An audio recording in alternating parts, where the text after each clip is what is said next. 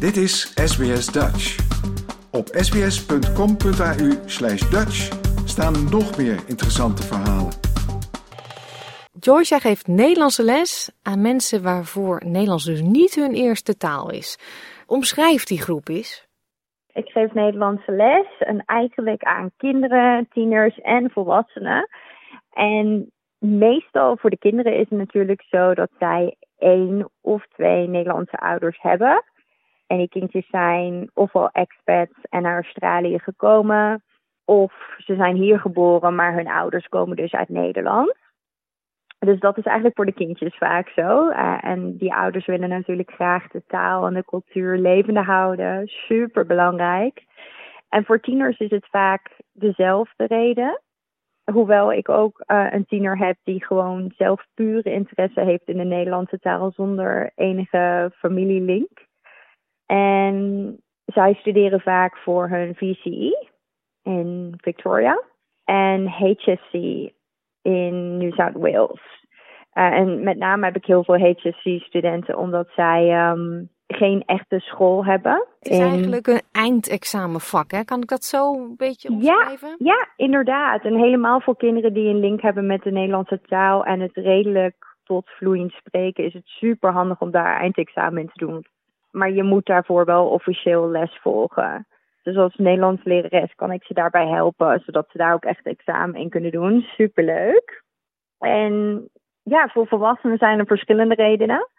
De meest populaire reden is heritage. Dat zijn vaak wat oudere mensen die nooit echt als kindje de Nederlandse taal machtig zijn geworden. Of juist wel, maar dan in de loop van de jaren eigenlijk een beetje verleerd zijn. En dus weer in contact wil komen met de geschiedenis en de taal en de cultuur. Tweede reden is partner. Dus ze hebben een Nederlandse partner, willen de Nederlandse taal leren, met hun schoonfamilie in contact blijven en komen. Dus echt die, die diepere connectie met hun familie krijgen. En ja, eigenlijk ook als reden naar Nederland verhuizen, werk daar willen vinden. Een hele dat diverse zijn eigenlijk groep de, de natuurlijk. meeste, ja, een hele diverse gro- groep. En het is ook super leuk om van ieder persoon, zeg maar, zijn of haar achtergrond uh, te leren kennen. Ja, nou uh, staan wij wel bekend om de harde G natuurlijk. Zal voor veel mensen denk ik niet heel makkelijk zijn. Zie jij dat jonge kinderen, maar ook oudere mensen struggelen met dezelfde dingen? Um, jong geleerd is oud gedaan. Dus je ziet wel, het is een cliché, maar het is ook wel waar dat jonge kinderen makkelijker leren dan ouderen. En uit mijn ervaring is dat eigenlijk voornamelijk vanwege onze mindset. Kinderen die zitten nog niet zo in hun hoofd. Die nemen makkelijker dingen aan. Die zijn heel open en nieuwsgierig. Dus die pikken gewoon dingen sneller op. Wat ik merk bij vanaf tienerleeftijd zitten we wat meer in ons hoofd. Gaan we tegen onszelf vertellen dat iets moeilijk is. Dat ze geen talenhoofd hebben. Um, dat het heel veel tijd kost om te leren. Of Excuses zelfs... hoor ik. Ja, maar het is wel echt zo. Of ook zeg maar iets wat we niet weten of niet beseffen, zeg maar instant gratification, right? Dus dat is een fenomeen, we willen altijd heel snel resultaat. En ik ben wel van mening dat een taal leren best makkelijk is en makkelijker dan we misschien denken, maar het kost gewoon tijd. Ja. Um, dus je kan niet verwachten, zeg maar, dat na één lesje dat je in één keer natuurlijk de taal machtig bent of dat je alleen met lessen bij mij natuurlijk vloeiend wordt. Het, het vraagt wel natuurlijk om oefening en, en het in de praktijk brengen van wat je hebt geleerd. En dat beseffen mensen vaak niet. Ja, ik zeg dit mijn kinderen ook heel vaak. Uh, die willen dan iets meteen kunnen. En dan zeg ik, weet je nog, toen je baby was, toen kon jij niet lopen. En denk je dat Ja. je van de een op andere dag kon lopen? Dus Precies. oefenen, dat is het. Oefenen. Ja, en ik geef dit voorbeeld ook heel veel. Weet je wel, lopen, fietsen, autorijden. Kijk, een auto-instructeur kan je leren hoe je moet autorijden. Maar je moet zelf gaan oefenen om je rijbewijs te gaan halen. Precies hetzelfde. Ja, wat vinden mensen het allermoeilijkst aan de Nederlandse taal? Want ik hoor vaak om me heen, oh, het is zo'n moeilijke taal. ja, ik ook, uiteraard. Uh, wat ik heb gemerkt bij mijn leerlingen is zinstructuur. Um, de werkwoorden staan op een andere wijze, wij denken, wij Nederlanders denken op een andere manier over onze taal. Um, vergeleken met Engels. Dus wij plaatsen onze werkwoorden op een andere plaats in de zin dan wat we met Engels doen. En daardoor raken ze ook vaak gefrustreerd in van, oh, ik krijg die zinstructuur niet goed.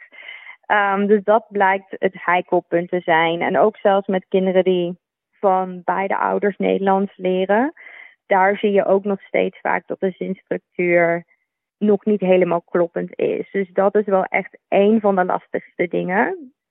En het in de praktijk brengen ook. Ja, dat blijft gewoon een belangrijke rol spelen. Dus ik leg het altijd heel stapsgewijs uit ook. Zodat we helemaal begrijpen van waarom zoiets is. Ja, nou kan je natuurlijk als je zit te luisteren en denkt, hé, hey, mijn partner, die zou ik ook wel willen dat hij Nederlands gaat leren of hmm. zo. Um, dan kan je lessen nemen bij mensen zoals jij. Je kan uh, kinderen naar de Nederlandse school sturen als die in je buurt is. Ja. Um, maar wat kan je nog meer zelf thuis doen? Ja, nou, zelfs bij mijn studenten als ze bij mij les hebben, ik blijf altijd aanmoedigen en stimuleren om ook Duolingo te doen. En dat is eigenlijk om twee redenen. Kijk, het spreken en het oefenen, dat raad ik echt aan om bij een leraar te doen, wie dat dan ook mag zijn voor jou. Omdat je dan echt die feedback kan krijgen van hoe je spreekt, wat er nog niet helemaal goed gaat en je, je, je voortgang kan meten. Maar wat Duolingo wel ontzettend goed doet, is spelenderwijs leren. Je kan heel veel dingen luisteren en horen. En je bevordert je vocabulaire. Dus je leert eigenlijk heel veel basiswoorden in Duolingo. En dat vind ik ontzettend goed. Dus het is een heel goed beginpunt om met Nederlandse les te starten. Ja, voor de mensen die het niet kennen, hè, Duolingo, het is een app, hè? Het is een app, ja, dat klopt. Ja, dus het is een talen-app en ze hebben heel veel verschillende soorten talen die je kan doen, waaronder dus Nederlands. Um, volgens mij, zover ik weet, bieden ze dus alleen Engels-Nederlands aan.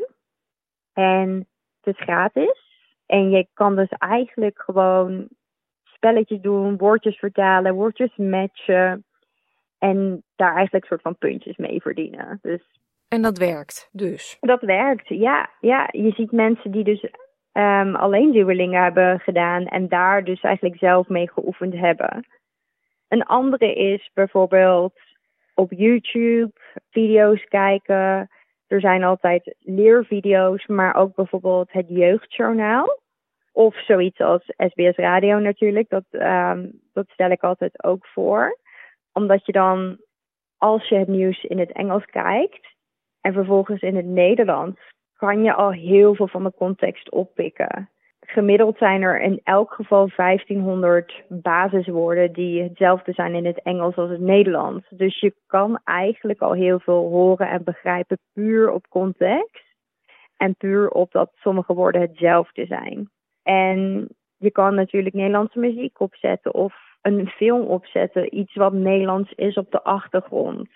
En dan gaat het nog ineens eens om echt begrijpen wat iedere zin of ieder woord betekent, maar het gewoon opheffen op de achtergrond en eigenlijk daardoor onbewust de Nederlandse taal in je opnemen.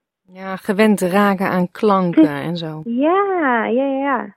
Wat vinden mensen als ze dan een tijdje bezig zijn en ze, ze merken van hé, hey, ik maak progress en ik snap jou en ik kan dit uitspreken. Wat vinden ze dan later het leukst aan de taal, aan het Nederlands? Wat ze het leukste vinden? Ik denk gewoon de connectie maken met mensen die ze kennen. Uiteindelijk de leerlingen die ik heb, die leren Nederlands omdat ze familie of vrienden uh, hebben in Nederland. Of mensen in Australië hebben die Nederlands spreken. En dat ze dan eindelijk een conversatie kunnen begrijpen, aan een conversatie kunnen deelnemen waar ze dat eerst niet konden.